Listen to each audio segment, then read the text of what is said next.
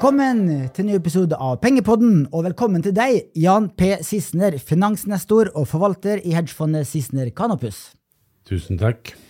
Eh, Du er jo en av de mest populære gjestene våre i Pengepodden, med høyest lyttertall. Uff da. Og nå er det vel femte året på rad du er her, så det er veldig kjekt å se deg igjen. Tusen takk. Og velkommen til deg, Mats. Takk, takk.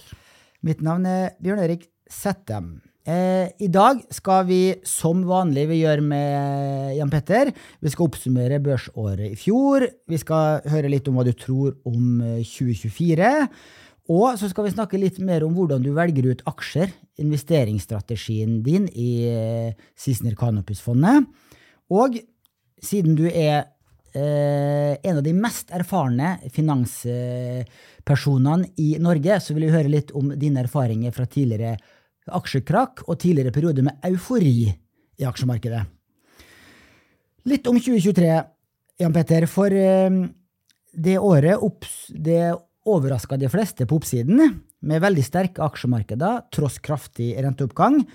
Verdensindeksen og den amerikanske SMP 500-indeksen steg rundt 25% avkastning i dollar, enda noen prosent ekstra i norske kroner.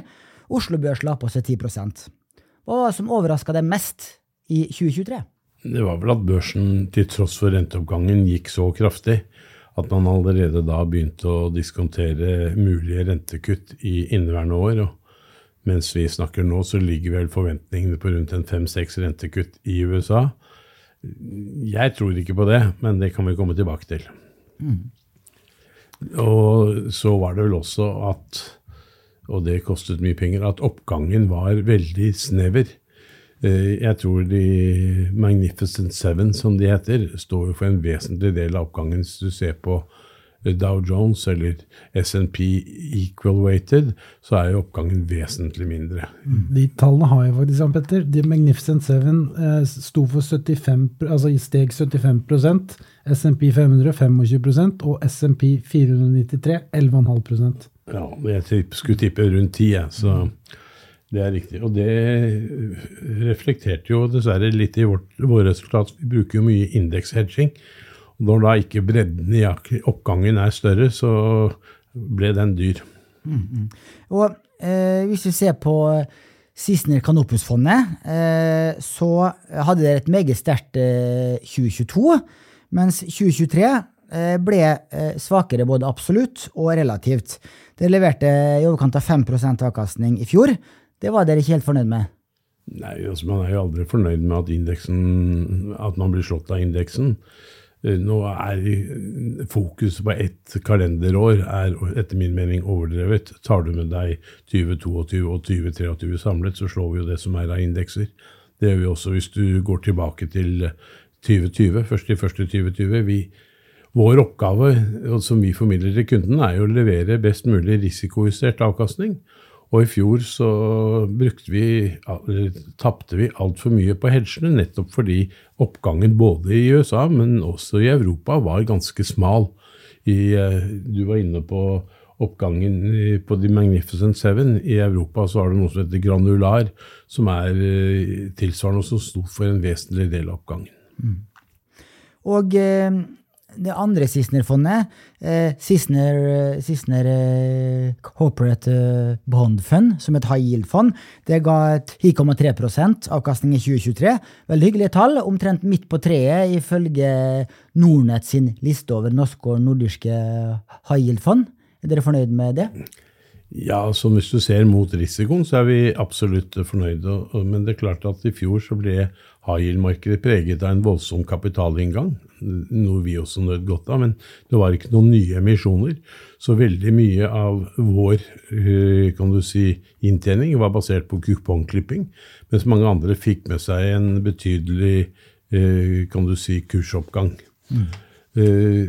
Sånn fun fact, da, men da vi gikk inn i fjoråret, så var det vel omtrent 10% av markedets high som handlet over par.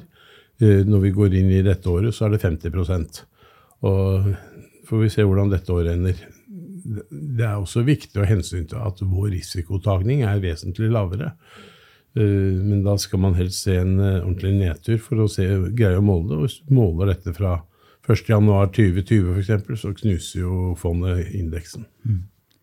Og andre, og andre high yield-fond. Et kalenderår er bare et kalenderår. Hvis vi skal se fremover da på eh, 2024, eh, de som satt med eh, high yield-rentefond i fjor, eh, var jo meget godt fornøyde, mellom 10 og 15% avkastning.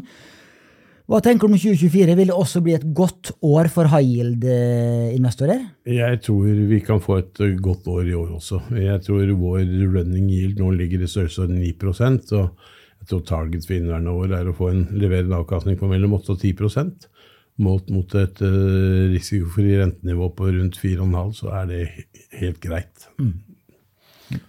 Det er viktig å understreke at det er jo også da etter kostnader. Sant. Og når det gjelder forventninger til aksjemarkedet da, for uh, inneværende år? Jeg skulle jo gjerne hatt resultatsesongen og guidingen fremfor alt bak meg og ikke foran meg. Men jeg tror markedet er for optimistiske hva gjelder antallet rentekutt. Samtidig så er det ingen tvil om at renten vil bli kuttet i år. Så er det spørsmål om hvor mange ganger. Det gjøres jo fordi det er bråbrems i en rekke økonomiske områder. Vi tror jo at et trygt sted å være er jo i våre aksjer, i våre aksjefond, basert på at det er lavmultiple-aksjer, såkalte safe heavens, som vil få en multiple ekspansjon når renten begynner å falle.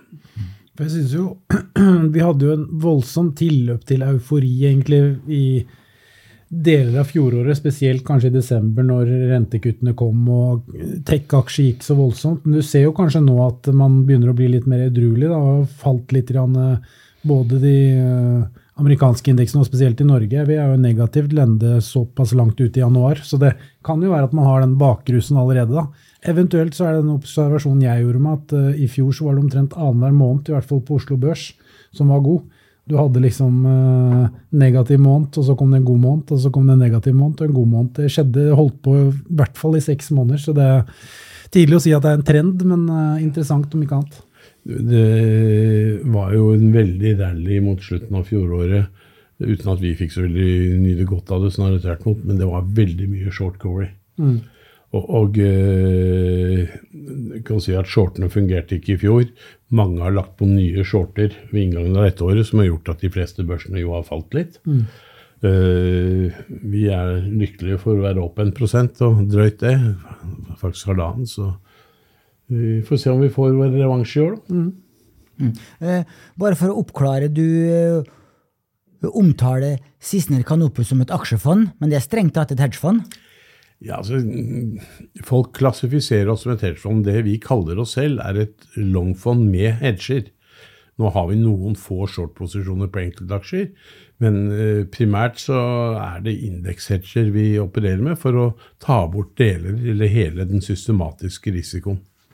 Mm, um, og favorittaksjer er et populært tema. Uh, du er med i den uh, Nordnetts tidlige aksjefavorittkonkurransen eh, sammen med eh, Paul Harper, blant annet, Martin Mølsæter, Robert Ness. Eh, og der har du valgt ut følgende tre aksjer. Storebrand, ingen overraskelse. Gammel kjærlighet ruster ikke. Sånn, ja. Eh, Skipsted, eh, som også gjorde det veldig bra i fjor. Og kanskje litt mer overraskende, Nordic Semiconductor, en tredje aksjen du har valgt. Hvorfor har du valgt nettopp disse tre for 2024? Altså, vi kan ta Storebrand først. så er jo det, som jeg sa, gammel kjærlighet ruster ikke. Storebrand vokser i alle eh, bein. De er godt drevet. De handler på I dag koster vel Storebrand rundt 40 milliarder kroner i, i markedskapitalisering. Det er 10-12 milliarder mer enn De har overskuddskapital i størrelsesorden 10-12 milliarder.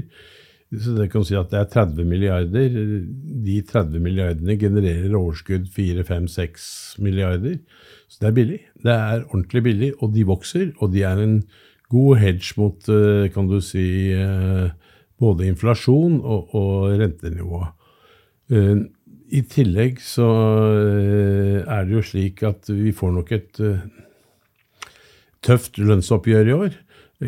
Konsekvensen av et tøft lønnsoppgjør er jo mer pensjonsforpliktelser, og mer pensjonsforpliktelser betyr mer penger inn til Storebrand.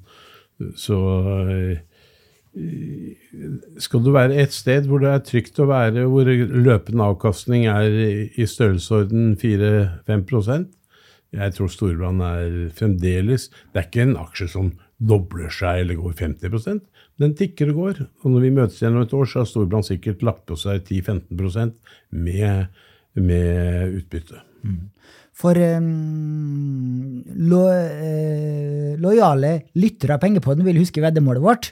Og jeg sjekka Storbrann-avkastninga for 2023, og den lå jo omtrent identisk på indeks. Begge deler var rundt 10 eh, okay. Så da måtte du finregne veldig for å finne ut hvem som hadde vunnet det veddemålet, versus Oslo Børs-indeksen. Okay. Ja, jeg, jeg, må medgi at jeg har ikke sett på det. Hadde vi veddemål i fjor òg? Vi hadde kanskje det? Nei, vi hadde ikke det. Men vi hadde to år, jeg, og jeg hadde jo tapt to gode vinflasker. Så jeg, jeg turte ikke vedde i fjor. Nei, jeg tror ikke du skal vedde i år heller, for å si det på den måten. Um, så De andre aksjene, Skipsted, det tror jeg dessverre er historie for Norge i løpet av et par år. Uh, nå har de jo solgt to biter. De har solgt Adevinta, men de sitter med en liten bit. De har, uh, er, i ferd med å selge News Media. Uh, og da sitter de igjen med det som heter Nordic Marketplaces og noe smått andre ting. Og da handler Skipsted på 10 ganger, 10-11 ganger EV-BDA. Konkurrentene handler liksom som fra 18 opp til 35, med Mnet som vel det meste på rundt 5-36 ganger EV-BDA. Jeg tror det er bare et tidsspørsmål før eh, Skipsted blir tatt til resten. Så jeg tror om vi møtes her om to år, så er Skipsted historie, dessverre, i norsk sammenheng. Vi har jo politikere som har bestemt seg for at alt i Norge skal selges ut. Ja, for da ser du for deg en utenlandsk kjøper? Ja, det, altså nordmenn kan jo ikke regne på samme måten, for de har ikke samme kalkulator. Nordmennene begynner med minus 2% avkastning. Skrav. Og, og, og det samme ut, avkastningskravet har jo ikke utlendingene. Ja, Da tenker du på formuesskatten? Formuesskatten og utbytteskatten. Mm. Det gjør jo at det er umulig for nordmenn å konkurrere med utlendinger. Dessverre. Ja, det er trist hvis enda et uh, teknologiselskap skal gå ut av landet. Uh, Finn.no er jo uh, veldig populært og kjærkomment for alle nordmenn. Det er det, men det er en villet politikk tydeligvis fra politikerne våre å selge ut til hele Norge. Du ser jo nå at de flotte eiendommene, en del av de, går jo rett ut, de også. Kronen er svak. Billig å kjøpe for utlendinger. Så har du flotte hytter, så bør du ikke engste deg. De blir kjøpt av utlendinger. Samtidig så er det jo dårlig avkastning for de da, på kapitalen, hvis du tenker på den måten, for utleie. Så jeg vet ikke, altså. Det er uh, De kjøper du til forbruk. altså Hvorfor skal du betale ja, ja. Sånn, til, til, utleie eventuelt så er det en dårlig investering da, for, en, for, en, utlending uh, på hyttemessig. Men uh, jeg, altså, er ikke, jeg, er ikke, uenig, men jeg bare jeg så et annet syn på det her forleden med dette i forhold til investeringer osv. Nei, men altså utleie, utleie, er nesten ikke mulig. og jeg tror selv nordmenn sliter jo med å få utleie summen til å gå rundt. Mm. Hvis du tar en leilighet uh, som koster 25 000 i måneden så, uh, i husleie, så er det 300 000 i året, og du skal forrente det med 6% lånekostnad og 1,1% formuesskatt og det går ikke i hop. Nei, det er vanskelig. Felleskostnader og you name it. Så det, det er et slitsomt marked. Mm, det, er det. Det er bare SV som mener det er for høyt. De har ikke satt seg ned til å regne sjøl ennå. Eh, jeg, eh, pleier å si litt eh, flåsete at du kjøper ikke hytte for å bli rik, men fordi du er rik. Det er, det er som regel ikke noen lønnsom investering. Mm, det spørs når du kjøper hytten, men jeg tror de fleste som sitter på en hytte i dag, de har tjent penger på hytten sin. Ja, De har nok det, altså, men fremover så, så tror jeg ikke det vil bli tilfellet. Men Sitter, sitter på eiendom i utlandet derimot, så har du gjort det veldig bra nå. Uh, det, har du, men det skyldes jo valutaen. Ja, ja, ja. Uh, så, men eh, du vet at byggekost går jo ikke ned. Byggekost går oppover. Mm. Ganske kraftig gjort også. Mm. Og, og vel, det spørs om nordmenn har råd til det, men renten skal jo normalisere seg. Ikke ned mot 2% igjen, det tror jeg ikke. Men at vi skal ha en lånekostnad på pluss-minus 4, 3,5-4% det tror jeg.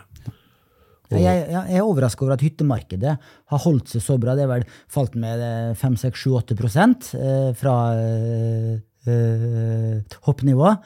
Jeg hadde forventa minst det dobbelte. Men det er jo litt sånn, jeg, jeg har reagert litt på dette med disse boligtallene, for det er jo litt ljuging der. For det er jo veldig mange som prøver å selge, og så trekker du fra markedet, og så ser du det ikke i statistikken. Og så er det litt ting som går off market osv. Så, videre, så det er et veldig sånn eh, lite transparens i det markedet der, så det reelle fallet er nok mye høyere, tror jeg, da. Jeg, jeg tror nok eh, hvis du liksom måtte selge, så, så må du nok en, Og ikke ha det virkelige topp, topp, topp-nivået. For det topp, topp, topp-nivået, det holder seg alltid. Se jo senest det i går når Selvåg-datteren selger eh, boligen på Gimletoppen for 75 millioner. Det tyder jo på at eh, luksusmarkedet holder seg. og det, det er jo én regel som gjelder når du skal investere i eiendom, og det gjelder enten det er bolig eller hytter. Det er beliggenhet, beliggenhet og beliggenhet. Og har du det beste, så får du solgt, og du får solgt det til fornuftige priser. Sånn. Eh, tilbake til aksjemarkedet. Du nevnte at du tror Skipsted vil bli kjøpt opp i løpet av året. Det, Ikke i løpet av året, i løpet av et par år. Okay. Eh, er det andre selskaper du ser som er spesielt eh, utsatt for oppkjøp? Jeg ser enkelte har nevnt eh, Humra. Nei, det skal jeg ha uttalt. Jeg kan ikke Tomra godt nok. Vi har ikke sett veldig nøye på det på en god stund. Vi har syntes det har vært altfor, altfor dyrt. Og, og har derfor ikke eh, virkelig studert det. Eh, Du var innom NOD. NOD er vel en takeover-kandidat. Eh, Vi tror jo at eh, du nå er i ferd med å, altså, å nå skrape bunnen. Jeg tror ikke fjerde kvartal kommer til å være noe å hurra meg rundt i det hele tatt. Alle har jo også nedgradert det. Men det er, fjerde kvartal er historie, og nå må vi se fremover. Og aksjemarkedet har jo en tendens til å snu 6-12 måneder før de underliggende markedene. Og det tror jeg kommer til å skje i Nod også. Om vi snur i første kvartal eller annet kvartal, det vet jeg ikke, men det skal, kan bli en veldig hyggelig reise ut året. Du er jo kjent for uttrykket møkkabillige aksjer. Er det noen møkkabillige aksjer på Oslo Børs nå? Det er masse møkkabillige aksjer på Oslo Børs. Uh, problemet med dem er at uh, du kan ikke ta dem over, for, en del av dem, fordi staten har jo kontroll.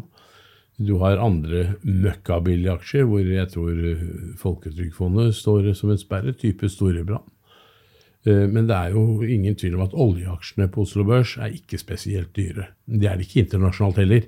Så vi finner jo mer verdi egentlig i total BP og Shell enn vi gjør i Equinor. og Vi har også kjøpt en posisjon i vår. Men vi er jo sikre på at olje er der uh, lengre enn politikerne liker. Og selv om vi har en utenriksminister som flyr rundt og sier at han skal fase ut oljen innen 2050, så kommer det aldri til å skje. Så oljeaksjene er billig. Eh, bankaksjene syns vi er billig.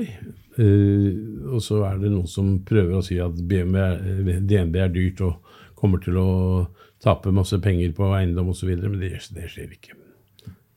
For eh, du, du nevnte jo eh, sektorene her, og eh, jeg så eh, på eh, desemberrapporten for eh, så er det jo nettopp energi som er største sektoren, med 29% finans 22 og IT med 12% Og det er det som er favorittsektoren nå, da.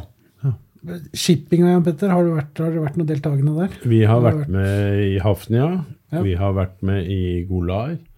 Og selv om den i fjor var pluss-minus null, så vår kostpris er liksom på halvparten av dagens kurs omtrent. Ja. Eh, Vi har vært med i Frontline på en hyggelig reise, og den tror vi virkelig skal fortsette. Og vi sitter og klør oss i hodet på når vi skal kjøpe oss inn igjen i bulkmarkedet, men det er nok, vi tror det er litt tidlig. Ja. Og, og vi vet ikke helt hvor Kina skal, så det er jo veldig Kina-avhengig. Og nå er det jo litt ekstraordinære rater, fordi man har jo betydelig forsinkelse, nesten umulig å komme gjennom Panamakanalen. Og, og, og Suezkanalen er jo også, i hvert fall i, disse dager, ikke et sted å ferdes. Så, og hvordan det slår ut over tid, det vet jeg ikke. Nei, det er jo liksom Det er jo ikke nødvendigvis det fundamentale nå. Nå er det jo ekstrahendelser som gjør at du får en liten sånn ekstra temperatur rundt disse ratene. Så det er, hvor sustainable det er, det er jo Det er derfor du ikke er villig til å gi det noen multiple heller. Og, og de handler jo over Nav-en, men de spruter jo cash. Og jeg tror liksom skal du satse Du spurte om hva det er jeg tror på for inneværende år. Tror du Kjøper du selskaper som spruter cash, så kan du ikke trå feil. Og, og kanskje var fjoråret året med, hvor banken gjorde det best, og at i år så blir det forsikring. Ja. Eh, en annen gang du var, så sa du at du var litt skeptisk til shipping, for du hadde følelsen av at det var alltid noen andre som visste mer enn deg. Ja, men Det føler jeg da fremdeles. Og jeg liker jo ting hvor det er forutsigbart, og ikke at det sitter en gjeng med skipsmeglere som eh, vet om ratene skal opp eller ned, eller siste slutning lenge før jeg vet det. Og det liker jeg ikke så godt. Derfor liker jeg industrishipping bedre enn jeg liker eh, spot. Um, Samtidig så ser vi jo at eh, tankmarkedet altså All shipping ser jo veldig lovende ut fordi det ikke kontraheres nytt. Og ingen tør å kontrahere, for du vet ikke hva slags eh, motor du skal sette inn. Eh, For du vet jo ikke hva driv, lovlige drivstoff blir om tre og fem og ti år. Hva med type konglomerater i shipping, altså Wilhelmsen f.eks.? Det er jo veldig billig, om ikke børsens billigste på multipler. Men uh... Jeg kan ikke Wilhelmsen godt nok. Vi har vært med i Wilhelmsen en stund, altså i Valenius Wilhelmsen. Eh, men jeg er ikke med nå lenger. Uh, vi burde kanskje se på det på nytt. Vi liker jo aksjer hvor du kan komme inn og du kan komme ut. Det hender jo at vi det er problemet. vi, vi, skal, vi har jo fond som har daglig likviditet. Og da plutselig, hvis du får en eh, innløsning av noen betydning, så må du også kunne selge. Og det kan ikke være slik at du skal måtte selge de likvide godaksjene, og så ender du opp med en portefølje med bare illikvide eh, aksjer. Det, så derfor er vi veldig opptatt av likviditet. Men det kan jo skje ting der nå, da, med rettssaken og litt diverse. Ja, jeg, jeg tror dessverre at den rettssaken er Sett fra det jeg kan fra avisene, så tror jeg ikke de har noen sjanse. Ja. Det er pappa som har bestemt, og pappa har bestemt at Thomas skal ha makta, og sånn er det. Ja. Eh, Så kan det være det blir noen føringer på utbytter, vet jeg, men jeg tror sånn rettslig sett så tror jeg det er et langt lerret å bleke. Men jeg er ikke noen ekspert, ikke noen jurist heller. En forvalter som vi har hatt på besøk her, som, eh, som hadde veldig god innsikt i shippingbransjen, det var eh, T- T- Tor eh, Svelland, Ja. som driver eh, Svelland eh, Capital Hedgefond. Eh, hørte du den podkasten vi hadde med han i høst? Nei, dessverre ikke. Det burde jeg kanskje gjort. Hadde jeg tjent masse penger. Det må du gjøre. Han hadde veldig god innsikt, og han ga jo også nærme uh, Det var jo i høst, og han sa jo at han hadde, hadde gått eh, long i eh, Golden Ocean og short i Frontline på det tidspunktet. Og de neste eh, ukene så var det et veldig riktig veddemål. da. Og han hadde et, et veldig godt rasjonale, siden han og hans øh, eh, kolleger sitter og eh, analysere hvor skipene går, hvor mye som skal fraktes hit og dit. og det, Hvordan ser det ut i dag, da, hvis du tar det i dag? For nå har jo Frontline gått som toget, og Golden Ocean har vel ikke akkurat gjort det. det er riktig det, sånn at uh, Jeg vet ikke om han fortsatt eh, sitter lang og short i de posisjonene. Det kan jo endre seg fort. Ja, Han sa vel det at det er jo ikke akkurat uh, nødvendigvis lang horisont på en del av ting. Det er jo store omløpshastighet der, så han driver jo i motsetning til dere, så driver han uh, mye mer og trader enn uh, en, uh, hva dere vil gjøre, som er mer langsiktige eiere. Ja, men det er ikke bare at vi er langsiktige, men at vi har såpass mye penger at hvis det skal monne, så må du i hvert fall ta en posisjon som sier minimum utgjør en halvannen til 2 mm. Og da er det unit size på 50-70 millioner. Og det er klart, i disse shippingaksjene kan ikke kjøpe for 50-70 millioner eh, annenhver dag, altså. Nei. Så du kan det i Golden Ocean, du kan det kanskje i Frontline òg, men eh, og egentlig så har vi jo større tro på Frontline, altså vi har litt mer enn halvannen prosent der. Jeg så Røkke planlegger, eller det er rykter jeg har vist det nå rett før vi kom inn her, at han planlegger å kjøpe noen nye båter og starte tankrederi, han også. Jeg så en flash på det. Eh, Røkke må jo gjerne gjøre det. Jeg, eh, vi er veldig opptatt av likviditet. Og det finnes jo flere tankrederier i verden, så Og er det vel litt sånn, litt sånn topptegn også, kanskje? Altså Når du hører stadig Nå skulle igjen i Hunter og med noen båter, og så skal Røkke på. og så Det er, liksom, det er typisk sånn eh, Et lite tegn i tiden, kanskje? Jeg vet ikke. Ja, altså, men folk må jo få investere der de Ja, ser ja, ja, det er riktig. for for del, og men, både Røkke og, og, og uh, Fredelig har jo den fordelen at de bor i utlandet.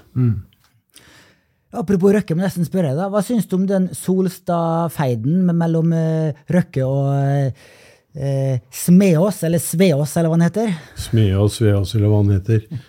Eh, Jeg tror ikke jeg skal synes noe mye om det. At jeg er en av Kristens aller beste venner, det tror jeg er en velkjent uh, fakt. Men eh, sett fra utsiden så er det veldig viktig at aksjonærer i størst mulig utstrekning likestilles.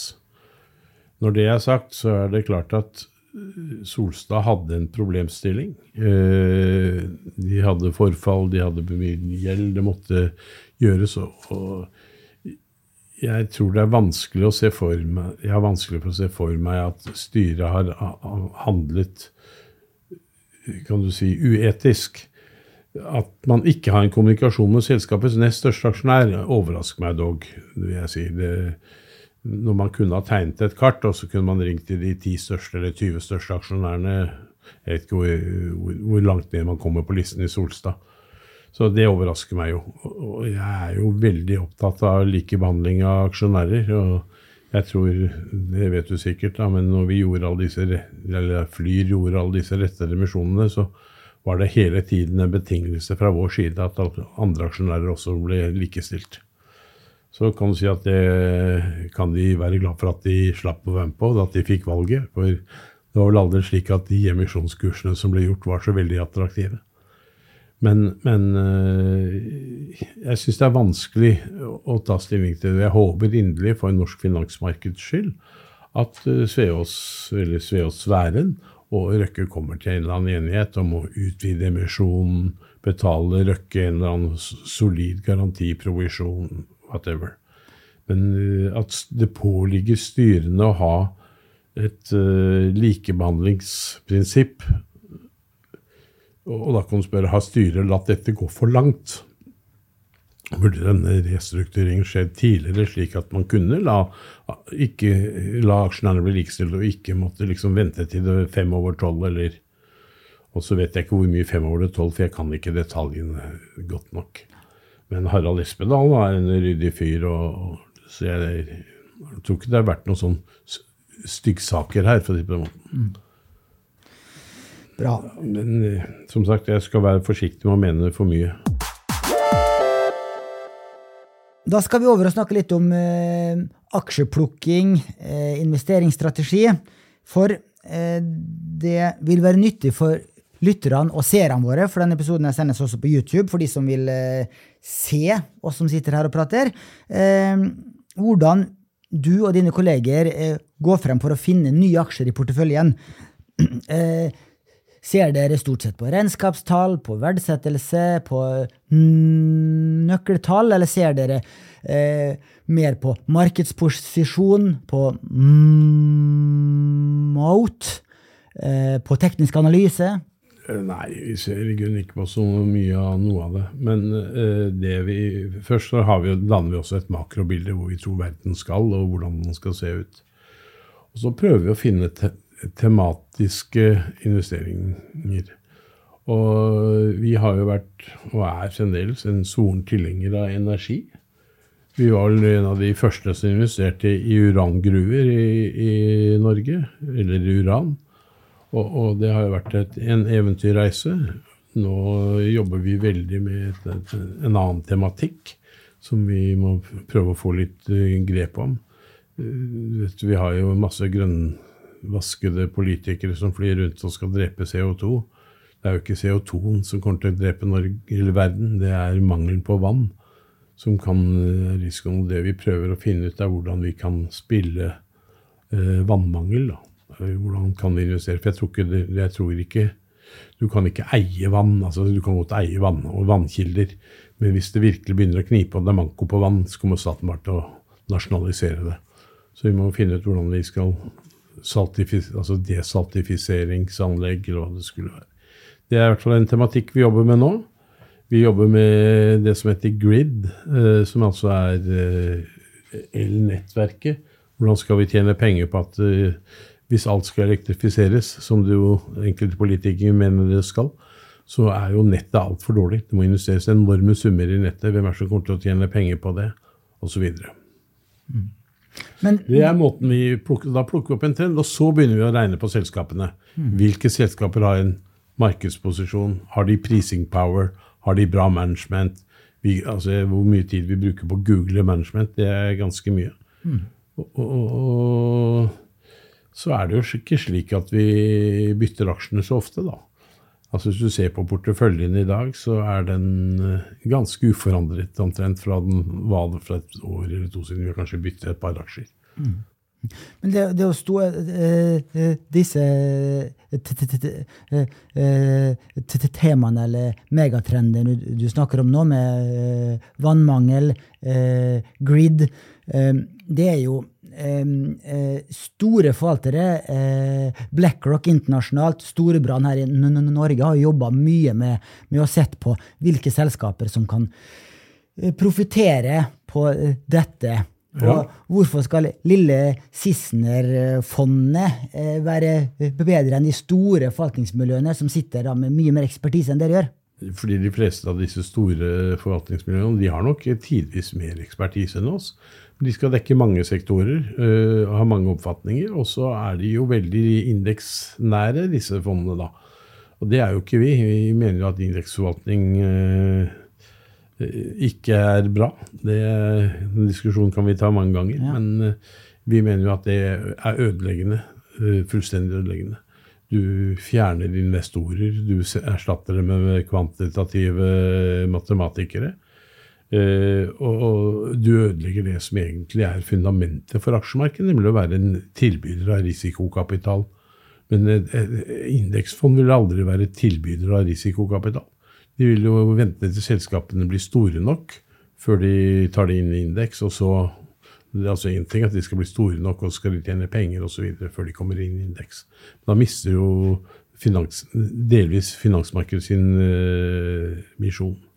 Du har noen small cap-indekser òg, som indeksfond følger. Ja, men de, det er jo kriterier for å bli tatt opp der også. Og, og, altså jeg hu- husk, er gammel nok til å huske da Opti kom, som jo var en mann og en bikkje, eh, kom inn på indeksen på noen og 30 milliarder i markedskapitalisering. Det tok ikke lang tid før de pengene var rent ut i havet. Jeg husker Optikum godt. Jeg var en av de få som tjente penger på Optikum. Det var rundt år 2000. det. Det var rundt år 2000. Det bringer oss kanskje over til et av dine andre temaer. Men, men eh, Nei, det, er altså, når vi plukker aksjer Vi er skerpere, flinkere, jobber annerledes. Jeg vet ikke, jeg kan ikke svare på det. Men jeg tror historien vår taler jo i vår favør, da. Ehm, og hva er de største røde flaggene da, som eh, dere kan identifisere, og som gjør at dere sel- selger et selskap? Altså, hvis Rød flagg på singelselskapsnivå er jo at management ikke leverer. At de ikke likebehandler aksjonærene. At de er managementstyrt og, og utnevner sine venner til styret. eh, har dårlig corporate governance. Plutselig hvis det skulle endre seg. Dette prøver vi å sjekke på forhånd. altså Det har ikke skjedd så ofte. Men det hender jo at vi har dumpet aksjer ut fra ting som har kommet opp i etterkant.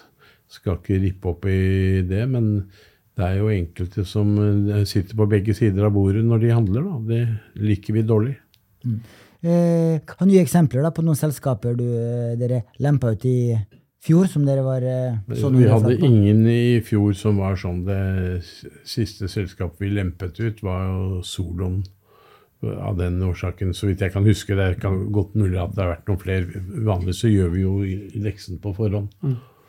Men uh, i forhold til det å selge en aksje, for det er, det er jo det er ganske vanskelig ofte. For ofte så sitter du, hvis du sitter mye med tap, så håper man på at det skal gå bedre. Og så hvis den fortsetter å stige, så ønsker man at bare den skal fortsette å stige. Hvordan altså skalerer av posisjoner? Si Storebrand-posisjonen din, da, som du har sittet med i i mange år. Um, sitter du der og justerer den, eller altså både opp og ned, eller uh? Ja, altså Vi vil ikke at den skal veie mer enn 9,5% av fondet. Så når den går over 9,5, så er vi nesten tvunget til å selge noe. Mm. På 10 så er vi tvunget. Ja. Uh, så, og så har den vel ikke vært under 8,7. Så det er rangen der. Eh, det hender jo vi selger aksjer av andre grunner enn det jeg var innom. Det kan være at markedet endrer seg. Eh, Det kan være at vi syns at det å bruke mange hundre millioner kroner på å grave ned CO2 er tull. Det er mine penger. Eller Equinor, at de skal bruke masse, masse penger på å bli konger i offshore vind. Eh, Det er også våre penger, og jeg tror ikke noe på de regnestykkene at de gir noe positiv egenkapitalavkastning på den kapitalen de binder. Og nå ser du jo senest eh, nå så liksom Ja, nå må de taue inn vindmøllene etter tre års drift for vedlikehold istedenfor fem, som forventet. Eh, De regnestykkene går bare ikke i hop i, vår kategori, altså i vår, i vår regnestykke. Nå har de lagt, gitt opp da offshore vind i, i, i USA. Eh, Vi liker, eh, vi liker at vi får lov å investere våre penger, og så kan selskapene holde på med det de skal drive med, som er deres core virksomheter. Eh, vi må innom uh, Tesla-aksjen. Uh, Det pleier vi alltid å snakke med deg om. Uh, Og vi sendte ut en pressemelding i dag morges der vi skrev at Nordnett har runda 400 000 kunder i Norge. Så det er en milepæl for oss. Og der skrev vi også at den aksjen som eh, våre kunder er har mest penger investert i, det er nettopp eh, Tesla. Eh, rundt 2,7 milliarder kroner har eh, våre kunder per i dag i eh, Tesla, av totalt 75 milliarder i enkeltaksjer. Eh, og det er også den aksjen våre kunder har tjent mest på. For denne aksjen har vært den mest eide eh, siden 2019-2020. Og siden den gang så har aksjen omtrent tidobla seg. Men du har jo ikke hatt tro på Tesla i hele den perioden der, og sittet short. Og jeg så også ved inngangen til 2023, så var dere short. Og gjennom året så steg Tex- Tesla-aksjen nesten 100% gjennom 2023. Satt dere på den shorten lenge gjennom fjoråret? Eh, Ja, det gjorde vi.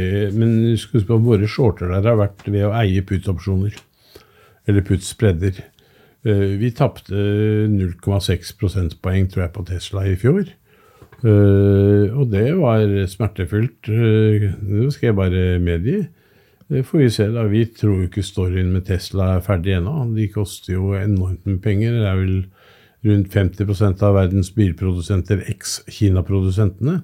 Og vi ser jo alle hvordan det kommer, hvor mange Kina pop-up-shops det er i Oslo og sikkert resten av landet, med eh, kineserne som skal ta markedsandeler og kontrollerer EV altså kontrollerer mye av råvarene til elektriske biler. Eh, mm, Jeg har jo blitt mobbet en del på dette Tesla. og Jeg har også noe veddemål der ute tror jeg, på at Tesla skal bli større enn Apple. Tesla er det en del som ser på som et teknologiselskap mer, mer enn en bilprodusent. Vi tror det er en bilprodusent, og vi er ikke så veldig imponert over verken bilene eller servicen eller andre ting, så jeg tror ikke de er vinnerne. I hvert fall ikke som kvalifiserer for at de er like mye verdt som alle andre til sammen. Interessant. Og nå i år, så langt i år, så har jo Tesla-aksjen gått ned med 10-15% Og jeg så nyheter denne uka her også, at det var pga. svakere etterspørsel etter eh, elbiler generelt. Og også kom det meldinger fra bilutleieselskapet Hertz om at de vil kvitte seg med rundt 20 000 elbiler. Og da mange eh, grunnet svak etterspørsel og høyere utgifter knytter til skader. Og samt at i desember så var det faktisk det kinesiske eh, bilprodusenten eh, BYD som var verdens største selger av elbiler, og ikke Tesla, som har, har- pleid å være størst. Eh, og det er også eh, litt interessant, da. Du kan jo legge det altså Jeg jobber faktisk litt med dette med elbil nå. fordi jeg tror ikke du blir, Hvis du skal prøve å selge en fem år gammel elbil, blir ikke kvitt. Ingen som tør å kjøpe en fem år gammel Tesla, for du vet ikke når batteripakken må byttes ut. Jeg er veldig usikker på hvor grønne elbilene egentlig er. Og jeg tror jo egentlig at fremtiden er hybrid. Hvor du kjører eh, la oss si, el i byene for å spare luften og sånt noe. Men du kjører bensin eller diesel eh, for øvrig. Man ser mye skriverier om det nå, med den sprengkulden som har vært. Nå er den vel kanskje tilbake igjen. Det er vel 17 grader i Oslo, minus 17 grader i Oslo i dag. Og det, der ser man jo at det er veldig mange som, eh, som sliter litt da, med disse elbilene. Eh, om de starter og litt eh, vanskelig med varme, og batteriet halveres jo i hvert fall. og ja, Mye, mye type sånne type ting. Det det er veldig, veldig vanskelig. Og, og jeg tror ønsket om å ha el som drivkraft har vært mye sterkere enn eh, realismen. Du ser altså bussene står i hundretalls. Fungerer ikke. Og, og, og jeg vet ikke hvordan det ville vært med fly, ja, men eh, man drømmer jo om elektriske fly. Problemet er at oppi der så er det jo ikke minus 10 og minus 20, det er minus 50 og minus 60. Og da tror jeg ikke de batteriene kommer til å vare så lenge. Eh, Jeg tror vi må eh, innse at eh, mye av den grønne bølgen har vært tuftet på politikk og en politisk vilje og et ønske, mer enn realisme på hva som er gjennomførbart i praksis. Og det, det er klart at du kan ikke risikere at ikke en brannbil kommer frem, for det er for kaldt der ute. Og, og batteripakkene på en buss gjør jo at busser og biler blir veldig veldig mye tyngre. De sliter veldig mye mer gummi, de sliter veldig mye mer på asfalten. Hvordan disse regnestykkene ser ut, det tror jeg ingen tør å sette opp. For jeg er ikke sikker på at de er gunstige for elbilen. Eh, sitter dere fortsatt på en short-posisjon i eh, Tesla, som dere har tjent på så langt i januar? Vi har nok tjent litt på den i januar. Vi har en rett til å selge aksjen på 200 dollar en god stund til.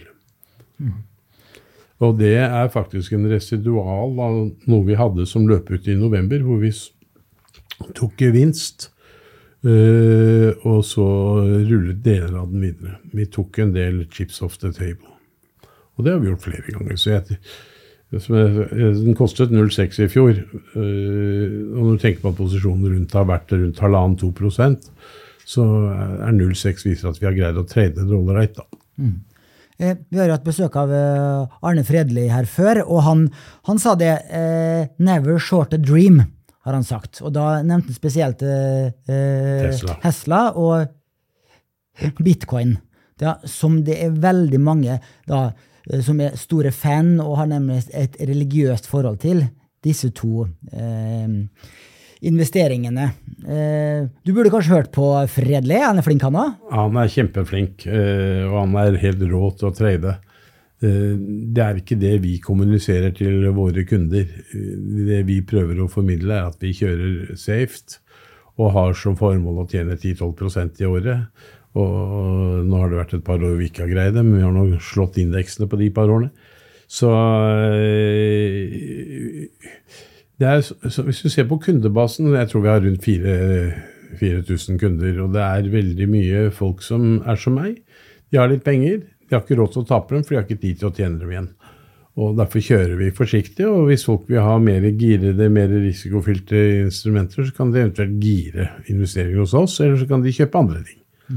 Men vi skal kjøre vår konservative, fornuftige filosofi og kjøpe aksjer som jeg kaller sprute cash og er billige. Mm, jeg nevnte eh, bitcoin. Eh, eh, Siden dere er et hedgefond, så har dere så, så, såpass fritt investeringsunivers at dere kunne strengt tatt ha kjøpt bitcoin-ETF-er, som nå har blitt et finansielt produkt. Det er mulig vi kan det nå, men jeg vet at jeg, jeg vet hva jeg får når jeg kjøper en dollar, og jeg vet hva jeg får når jeg kjøper et pund. Jeg er ikke helt sikker på jeg vet hva jeg får når jeg kjøper en bitcoin. For min, I min verden så er det basert på at det kommer en idiot uh, ned i veien som er villig til å betale mer for min bitcoin enn jeg har betalt. Eh, Kanskje eh, det vil si at Du skal ikke spørre en 68-åring om hva han tror om kryptovaluta, men hva sier Philip, din sønn, om det? da? han har samme oppfatning. Det er luft. Og, og du vet, kjøper du en eh, pesos, uh, selv argentinsk pesos, så kjøper du en del av den verdiskapningen som Argentina kan kanskje få til igjen. De var jo verdens rikeste land for 100 år siden. Man skal ikke glemme det. Om hvordan sosialister kan ødelegge selv de beste økonomier. Det nest rikeste landet for 100 år siden var jo Brasil. Man skal ikke glemme det heller. Mens USA var langt ned på listen. Så ting går i sirkler. Nei, bitcoin, altså, eller kryptovaluta, vi tror det er tull. Og du ser jo mange mennesker som har tapt formuer på uh, fraud osv. Den holdes oppe fordi det er et utmerket instrument for kriminelle miljøer. Tror jeg mye. Og så er det masse spekulanter, masse privatpersoner som syns at dette er kjempegøy. Men spør dem hva de eier, det er jeg ikke sikker på at de vet. Da skal vi over til siste del. Eh, lærdommer fra tidligere krakk og periode med eufori. For eh, jeg nevnte, det stemmer det, du er 68 år nå? Jeg blir 69 dessverre, om ikke så lenge. Ja, sant. Eh, og da vil vi gjerne høre litt om eh, dine lærdommer, for det er jo eh, Du har opplevd mm, flere eh, børskrakk i din lange karriere. Black Monday, oktober 87. Asiakrisen 1998, dotcom-boblen 2001, finanskrisen 2008 og da koronakrakk, om vi kan kalle det det, i mars 2020. Hvilket husker du best? Jeg husker vel egentlig krasj i 87 veldig godt, for da tapte jeg veldig mye penger relativt til hva jeg hadde den gangen selv. Eh, Dotcom-boblen husker jeg også ganske godt. Eh, covid husker jeg jo eh, kjempegodt, for da var vi veldig flinke. Og Da greide vi å analysere risikoen, så vi kom jo ut av den måneden med marginale tap, egentlig. Uh,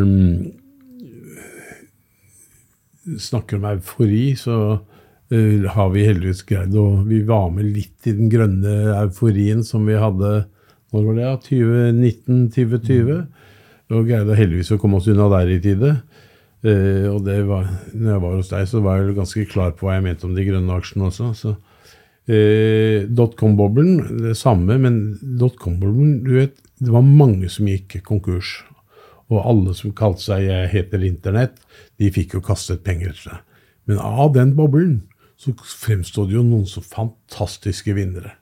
Google, Amazon uh, osv. Dette er jo selskaper som har blitt giganter og virkelig tjent penger. Facebook. Dette var jo også dotcom-boblen. Mm.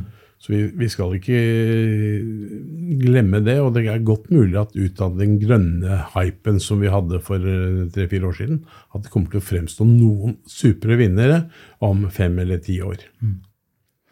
Du sa du husker best 1987, for da tapte du mest penger.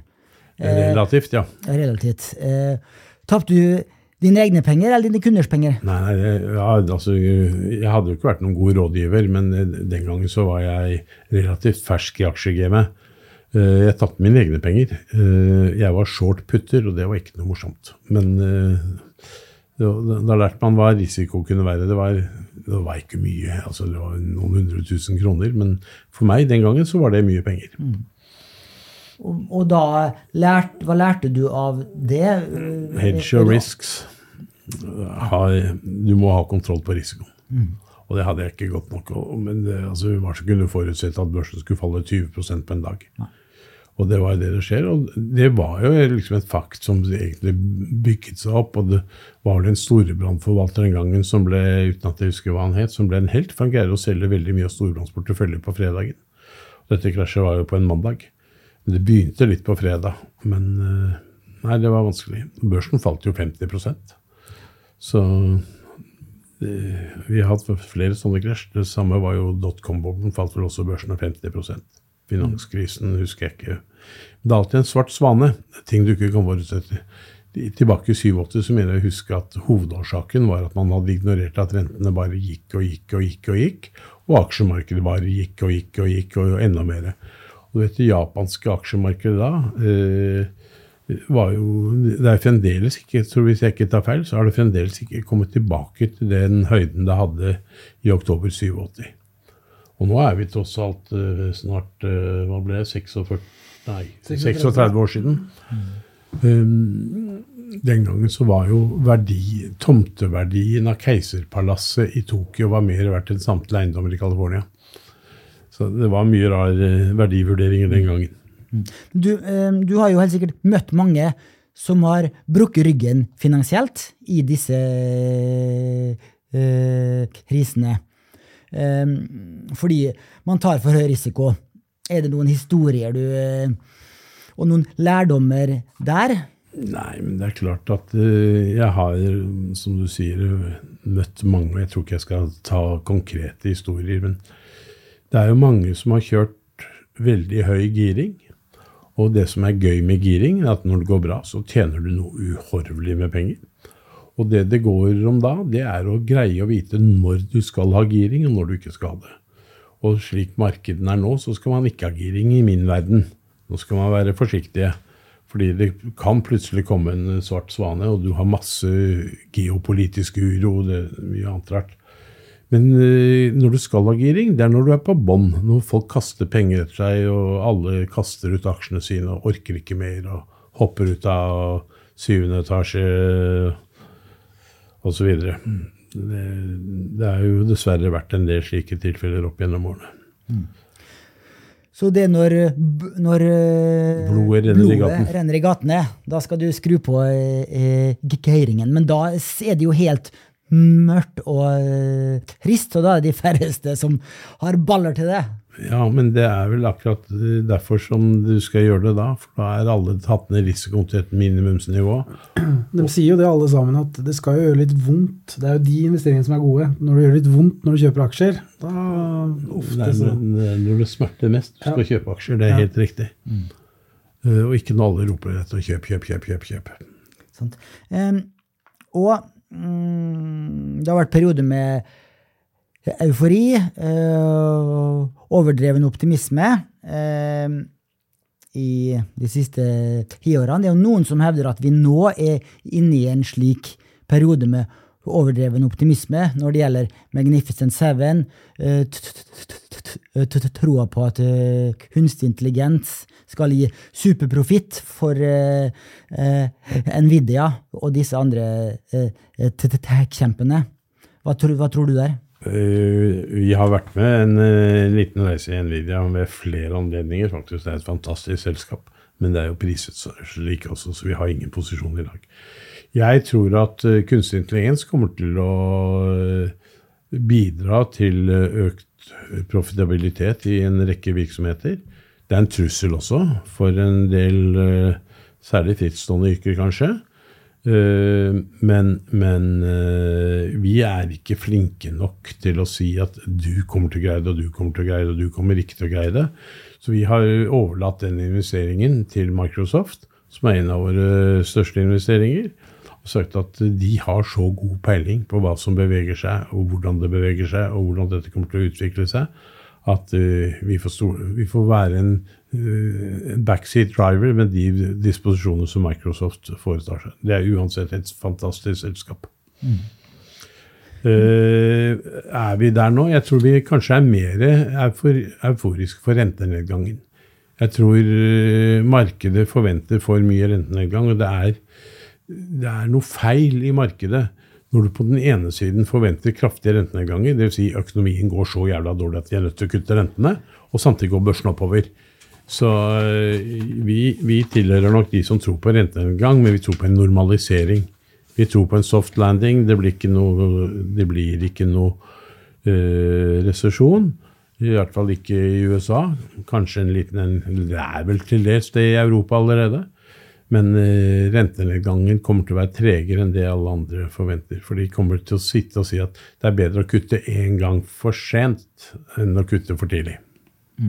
Og hvis det blir slik at rentenedgangen blir mindre enn markedet forventer, så skal du sitte med typisk verdiaksjer, eh, energiaksjer, finansaksjer, og i mindre grad vekstaksjer, som eh, teknologi er et eksempel på. Ja, det er i hvert fall vår oppfatning. Men vi har jo noe teknologi, for at vi- er jo ikke professorer. Professor er man alltid i etterkant. Sant? Eh, Du er nå 68 år, eh, snart 69. Hvor lenge skal du holde på eh, i denne jobben? her? Skal du ikke pensjonere deg? Du har jo hytte både her og der. Du kan nyte pensjonstilværelsen. Ja, det er slik at min pensjon den utgjør halvparten av formuesskatten. Så jeg må da selge noe et eller annet finne på noe. Eh, Jeg har vel tenkt å jobbe så lenge jeg syns det er gøy. Det tror jeg er eh, viktig. For den dagen det ikke er gøy lenger, så Men hva skal man gjøre? Skal man spille golf, liksom? Jeg Nei. Ikke det var deilig, ja? nei. Bli med. Ja, det, vi kan gjerne ta en golfrunde, men jeg liker å stå på morgenen og ha noe å gjøre. Og dra på jobb, og jeg stortrives med fantastiske kolleger. og Nei, det skal nok jobbe en stund til. Det betyr ikke at jeg skal være noen syvende far i huset. Så Philip får nå overta snart. Sånt. Du skal ikke flytte etter de rike vennene dine som har flytta til Sveits? Jeg tror, og nå skal jeg faktisk være alvorlig, fordi jeg har mange bekjente som har flyttet til Sveits. For meg så vil det være å flytte hjem. Jeg vil ikke flytte til Sveits, jeg vil flytte hjem. Det er der jeg kommer fra. Jeg er veldig redd for Norge og Norges fremtid. Det er ingen, Dessverre så er politikerne så rike at de ikke behøver ha noe fokus foreløpig på verdiskapning. Jeg tror hvis denne trenden fortsetter, at vi skal selge ut Norge bit for bit, så er det flere og flere som kommer til å gi opp. Og de kommer til å flytte ut. Hvis Jonas vinner en, eller Arbeiderpartiet og Kaski vinner en runde til, så er køen ut av landet blir veldig lang. Og de som kommer til å komme nå, det er jo ikke de som har mye penger. Det er sikkert noen av dem òg. Men det er de som ønsker å tjene penger. Og faktisk tror jeg du kan gå helt ned på lærernivå, sykepleiernivå, legenivå. De kan flytte til Sveits, doble lønningen og halvere skatten. Ok, det er noe høyere driftskostnader. Bor du i Genéve, kan du bo i Frankrike, så bor du billig. Og, og dette, dette, er en risiko. Og det eneste vi ønsker, og som jeg eneste jeg ønsker meg, er at vi skal få hva jeg kaller en level playing field.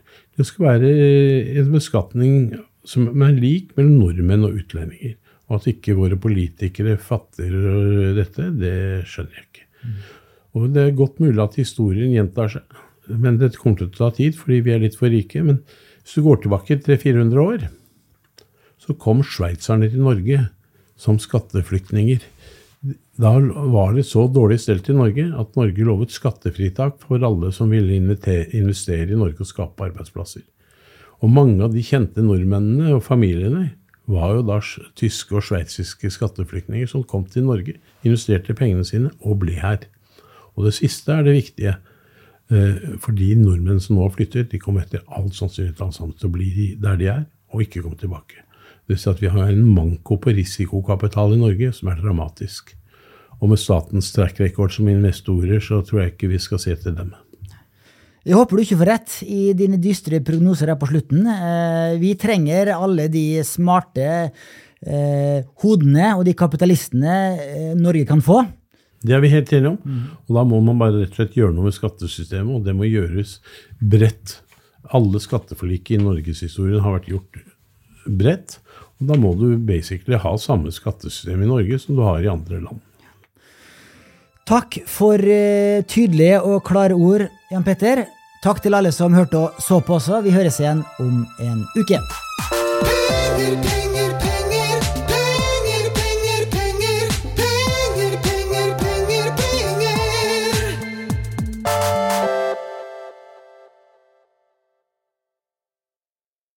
Denne podkasten skal anses som markedsføringsmateriell, og innholdet må ikke oppfattes som en investeringsanbefaling.